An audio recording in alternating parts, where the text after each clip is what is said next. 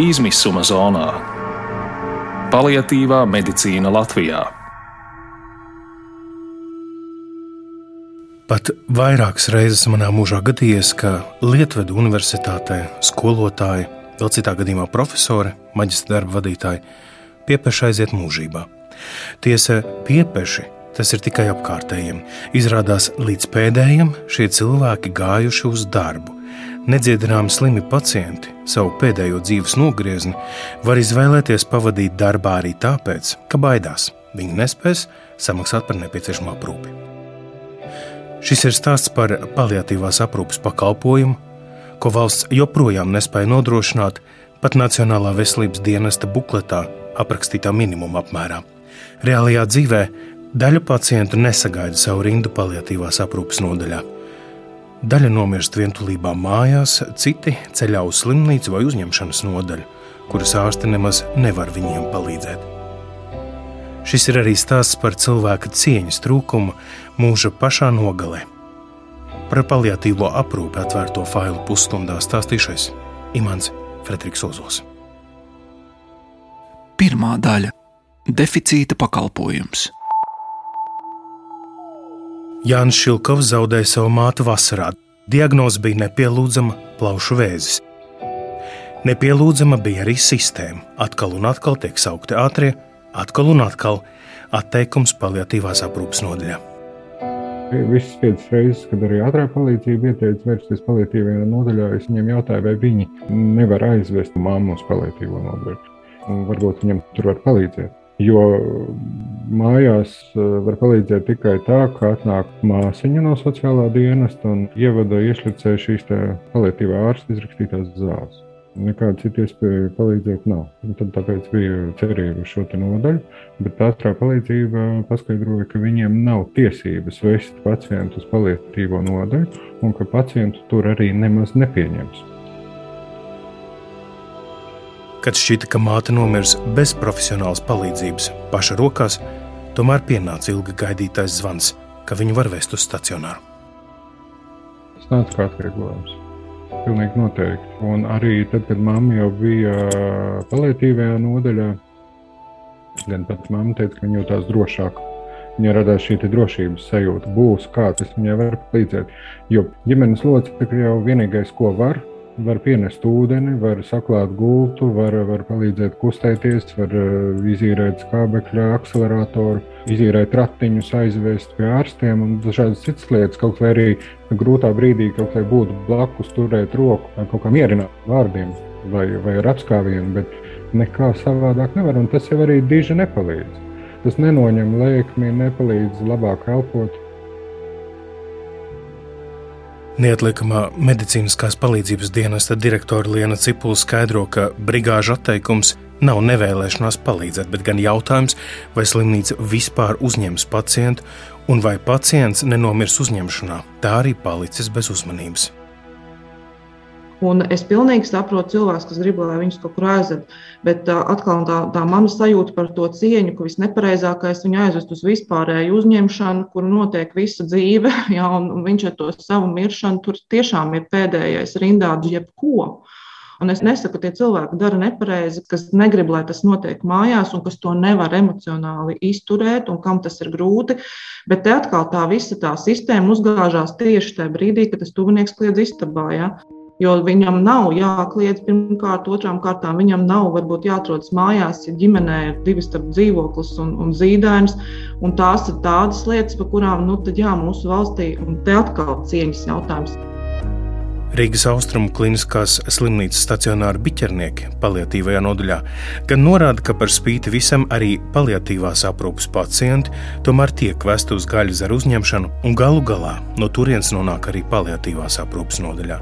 Taču tas, ka vienam izdosies pierunāt aizvest savu tuvinieku šādā veidā, nozīmē vēl ilgāku gaidīšanu citiem, stāsta paliatīvās aprūpes nodaļas vadītājs Vilnis Sosārs.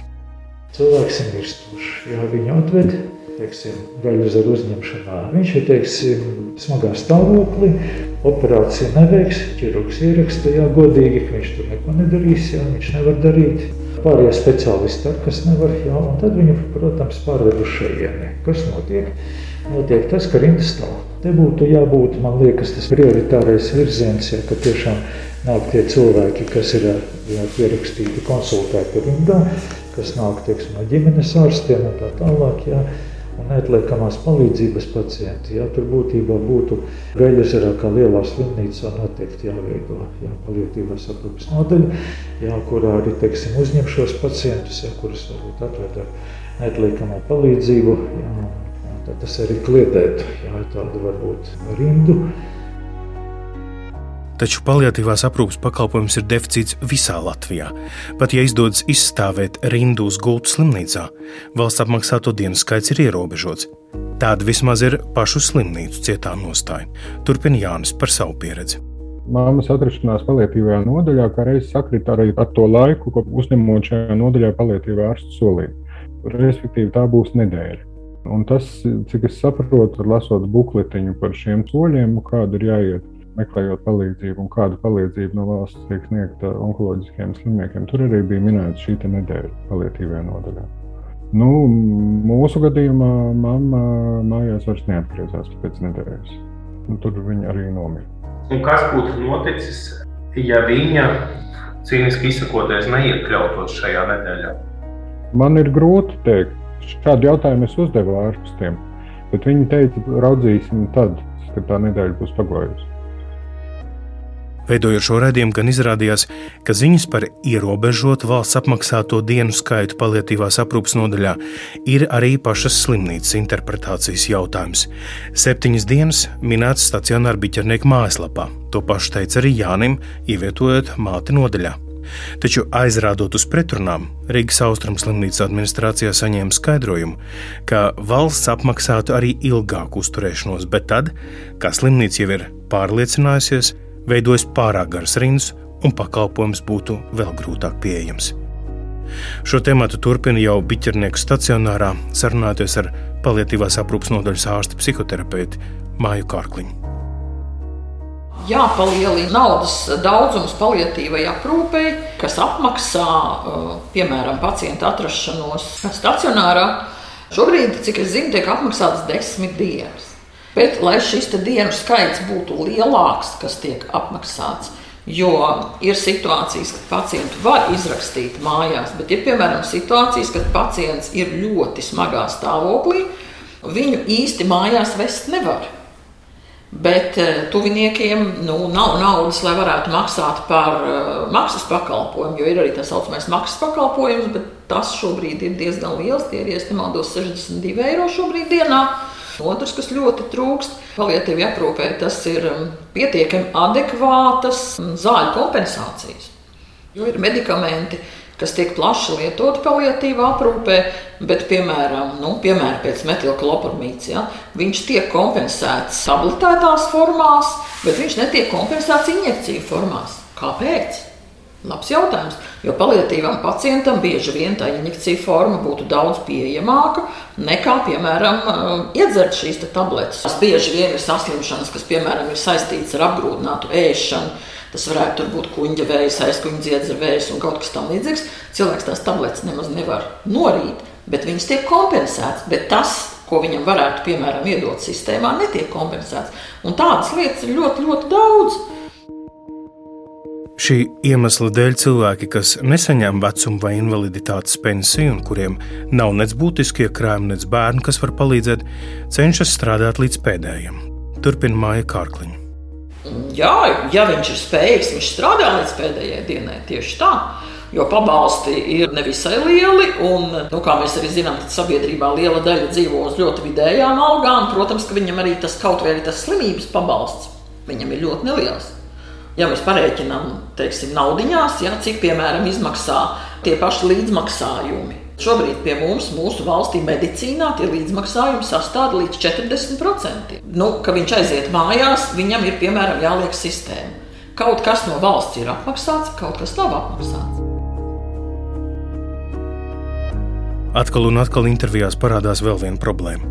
Pacientiem un viņu piederīgajiem nav viegli uzzināt, kādu palīdzību viņi vispār var saņemt, ko dos valsts, ko pašvaldība, bet par ko un kādās situācijās būs jāmaksā pašam. Latvijas onkoloģijas centra psihoemocionāla atbalsta centra sociālā darba koordinātora Ramona Kokina piekrīt, ka paliatīvās aprūpes pakalpojumu sadrumstalotība ir milzīga problēma. Ja es esmu pie pilna prāta un pārunu sistēma, tad es varu atrast palīdzību. Tad, jo arī pie māsas ģimenes ārsts dod norīkojumu, protams. Tas nav tā vienkārši piezvanīja un man palīdzēja. Tā kā arī tur ir papīru lietas, tā tad jānokārto atkal.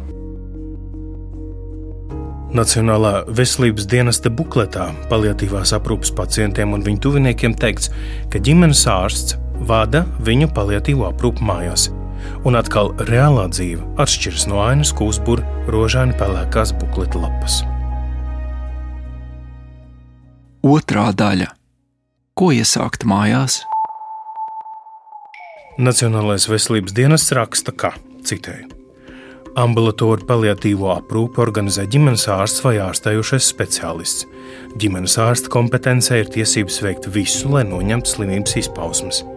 Saku uzskaitījums, kurā minēta ne tikai medikamentu izrakstīšana, bet arī, citai vēlreiz, atsāpināšana un izgulējuma kopšanas metožu pielietošana, pasākumi elpas trūkuma un asiņošanas gadījumos, brūču kopšana un informācijas sniegšana aprūpētājiem par slimnieku kopšanu mājas apstākļos. Turklāt Nacionālā veselības dienesta mājaslapā teikts, ka darbdienās vismaz līdz pulksten trijiem ģimenes ārsta praksē jānodrošina mājas vizīšu pieteikšana. Pie Jāņa Šilkova mammas ģimenes ārsta neieradās nevienu reizi. Pat tad, ne, kad pacienti vairs nespēja pastaigāt. Es pat teiktu, tā, ka ģimenes ārste nebija ļoti ieinteresēta līdz pēdējiem brīdim. Tad, kad jau bija skaidrs, ka jāraksta nosūtījumi uz paliatīvo nodaļu un ka sākās staru terapija, tad ģimenes ārste kļuva tāda tā kā, no, pretim nākošāka. Bet tā vai tā, Piemēram, tajā pašā bukletā ir rakstīts, ka šie pacienti smagos gadījumos viņiem ir tiesības lūgt ģimenes ārstu ierasties uz mājām. Ģimenes ārsts atteicās to darīt, un teica, ka tas nav viņas pienākumos. Lūdzām ģimenes ārstu asociāciju komentēt, kāda ir reālā aina, cik daudzi ģimenes ārsti apmeklē pacientu mājās. Uz jautājumiem telefoniski atbild asociācijas valdes loceklis Ventspīlī praktizējošais ģimenes ārsts Pauls Princis. Ģimenes ārsts, protams, var iesaistīties paliatīvajā aprūpē, protams. Un es zinu tādus ārstus, kas arī iet uz mājām, kas iesaistās, es pats eju uz mājām, ja nepieciešams, ja mani izsauc, teiksim, piederīgie vai kāds cilvēks, kas veic paliatīvu aprūpi, bet man, godīgi sakot, arī izbrīna šī bukleta, mm, nu, tas solījums, ja, ka tiešām būs visur un diennakts laikā būs paliatīva aprūpe. Pauls Princis saka, ka ģimenes ārstiem nav jaudas būt par valsts redzējumā iezīmēto centrālo figūru paliatīvajā aprūpē mājās. Resursi nav tādi, vismaz mani nav tādi. Ja?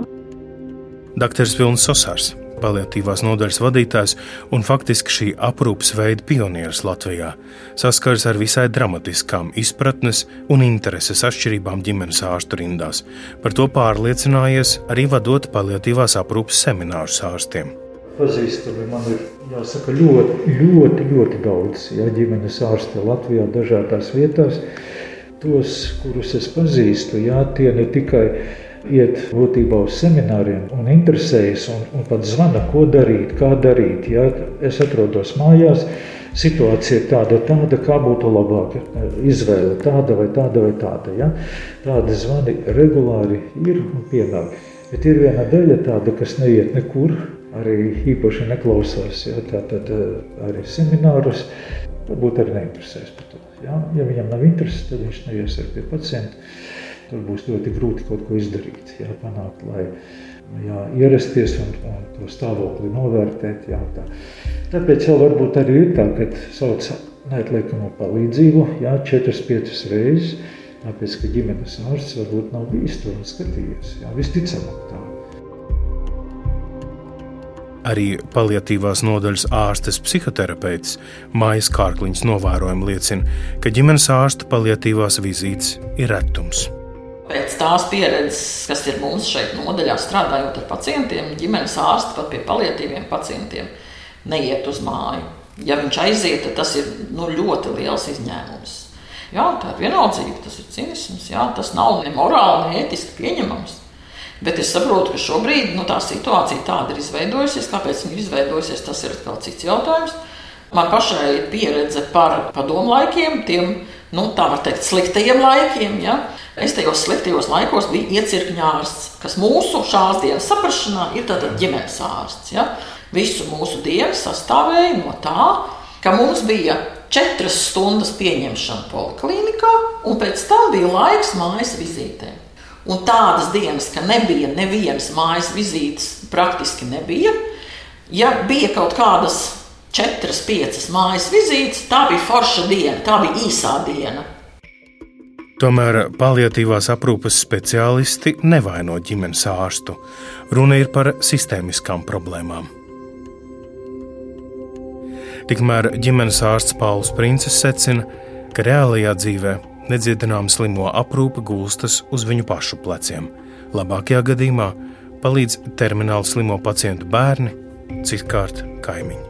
Man ļoti daudz cilvēku ir brīžiem prasījuši, ko es nevaru ieteikt kādu kopēju, kādu cilvēku, kas nāks, uzraudzīs, apskatīsies nu, tā ir problēma. Nu, māsa, medmāsa var atbraukt vienreiz mēnesī un pārbaudīt, vai cilvēks dzer zāles. Teiksim. Tādā līmenī ģimenes ārsts, protams, var iesaistīties. Ģimenes ārsts noteikti iesaistās medikamentu izrakstīšanā. Noteikti, noteikti izraksta paliatīvos līdzekļus, ja tādi ir vajadzīgi, kaut vai šos te stomas, ja, vai ko tādu. Bet uh, pati stoma, piemēram, kaut vai nomaiņa, ja, arī bieži vien ir paša pacienta atbildības lauciņā. Latvijas Onkoloģijas centra psihoemocionāla atbalsta centra sociālā darba koordinātora Ramona Kokina piekrīt, ka arī tā ir Latvijas situācija. Par visu jādomā pašam. Es arī esmu pacients ar 4. stadiju vēzi, man bija pirms pieciem gadiem, bet nu, man ārstē veiksmīgi. Vismaz novembrī varēšu svinēt varbūt piecus dzīves gadus, kas uzdāvināti pateicoties no nu, šīs slimnīcas ārstiem. Nezinu, apstākļiem, dievam. Esmu atgriezusies darbā un strādāju. Bet es arī esmu domājis par šīm lietām, jo es dzīvoju viena. Man bērni tepat Latvijā, viņi te tālu arī dzīvo. Bet, nu, jebkurā gadījumā es esmu viena mājās, ir kaķi. Un kas ar mani notiktu tad, ja būtu tāda situācija, jo man tās ir reālas situācijas, ko es piedzīvoju ar pacientiem vai klientiem. Trešā daļa - nāve un vientulība. Viens no Latvijas lielajiem lepnumiem simtgades svinībās bija sadarbībā ar Orsē muzeju Parīzē tapusī Baltijas simbolisma izstāde Nepieradinātās dvēseles. Strādājot pie paliatīvās aprūpes temata, viens no šīs izstādes darbiem atkal un atkal uzplaiksnīja prātā. Teodora Udera, ogles un akvareļa darbs Vientulis un Krauklis. Zārkā pie atvērta loga guļ vientulis Viņa nagi, pinkainā bārda un mati liecina, ka nevienam nerūp šī cilvēka liktenis. Vienīgais sabiedrotais un vienlaikus nāves vēstnesis ir krauklis. Šī aina savu aktualitāti nav zaudējusi arī mūsdienu Latvijā. Neatliekamās palīdzības dienests nereti dodas uz izsaukumiem pēc radu vai tālumā dzīvojošo tuvinieku lūguma, ja viņi cilvēku ilgu laiku nav varējuši sazvanīt. Turpina Liena Cipula turieni mēs dodamies kopā ar valsts ugunsdzēsības glābšanas dienestu un policiju. Vieniem ir spēks atlaust, otram tiesības atļaut laust durvis, un mums ir ar durvju laušanu šādi izsaukumi dienā vairāki, noteikti pat līdz desmit varbūt, kur mēs varam konstatēt, ka pacients vai nu viņš tiešām ir miris savās mājās, vai arī viņš nu, tiek atrasts smagā stāvoklī, kur mēs arī viņu varam stacionēt. Mēs arī uh, atrodam šajos izsaukumos cilvēkus, kas ir sadalīšanās stadijā un pat ir mumificējušies.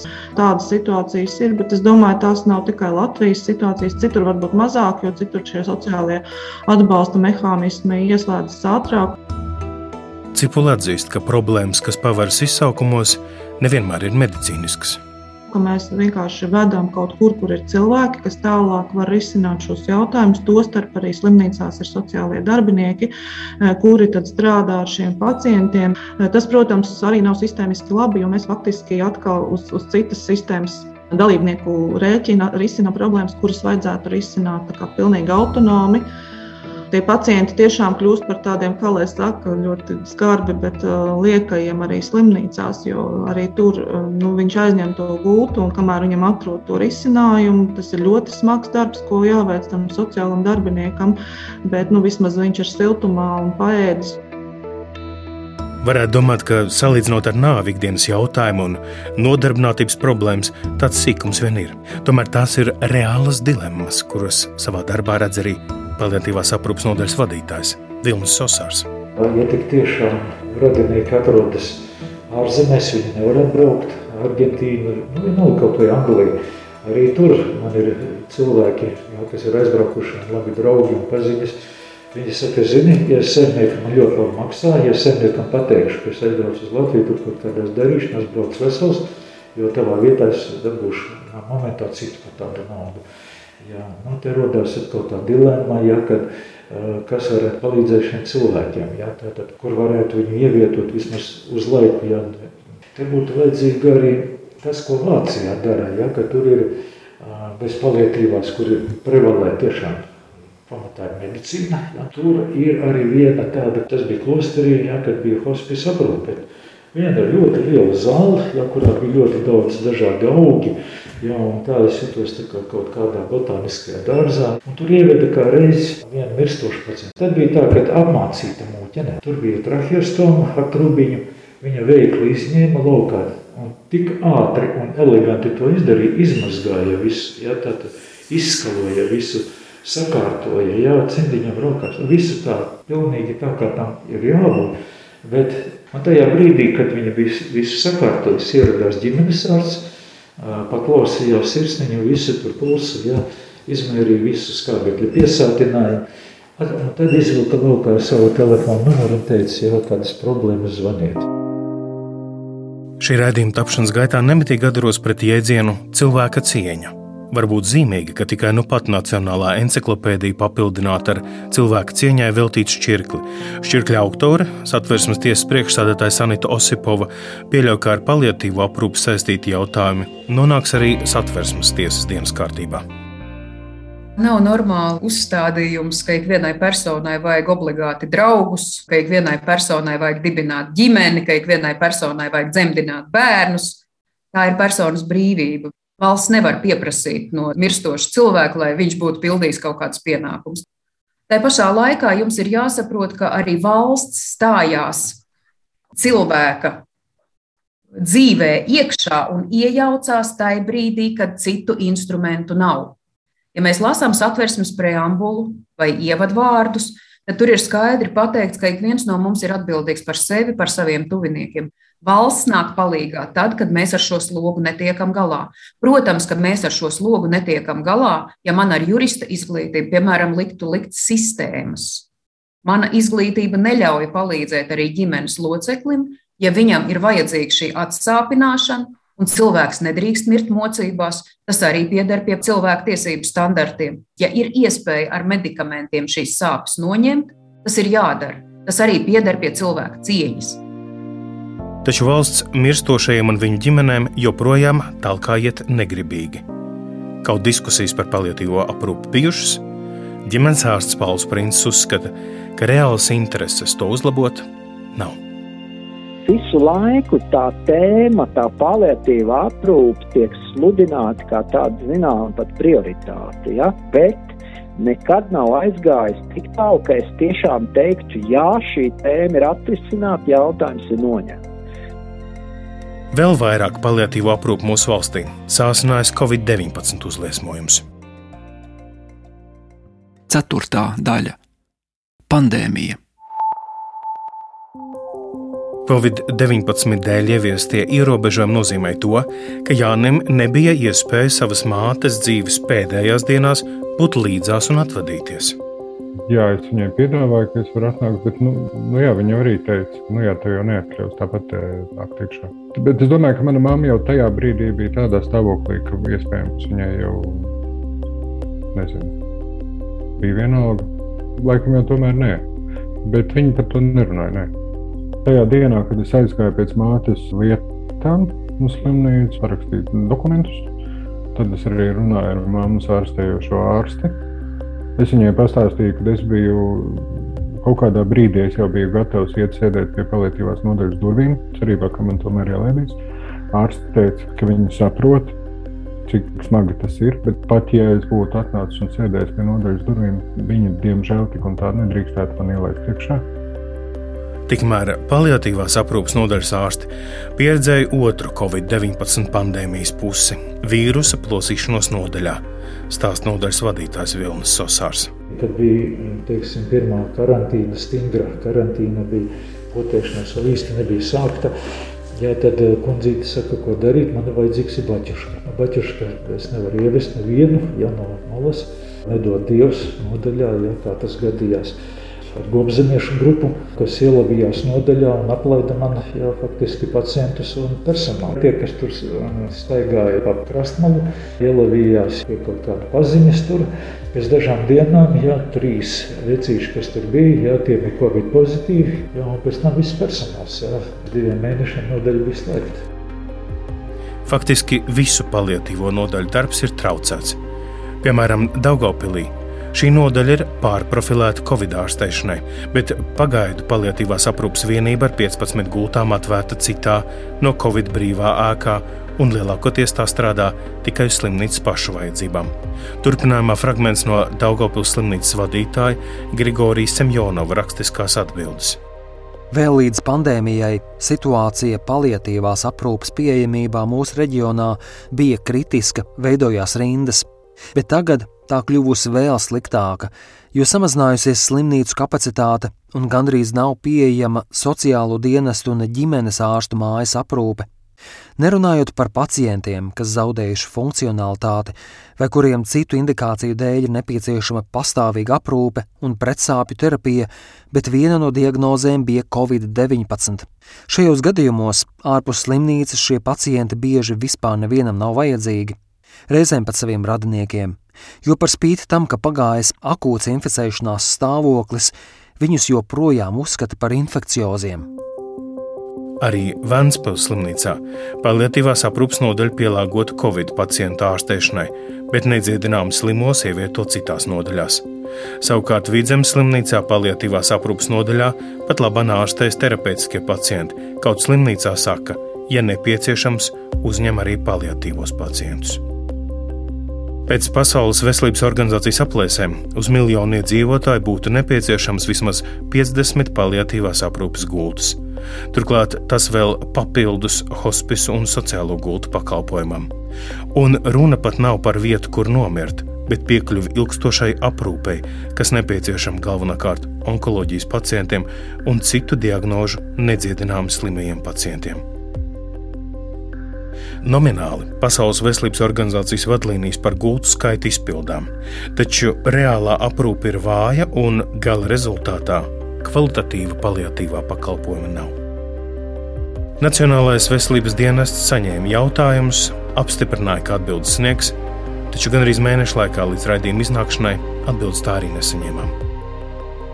Raidījumu veidoja Imants Frederiks Ozols, Anita Brauna un Nora Mitspapa. Atvērtie faili!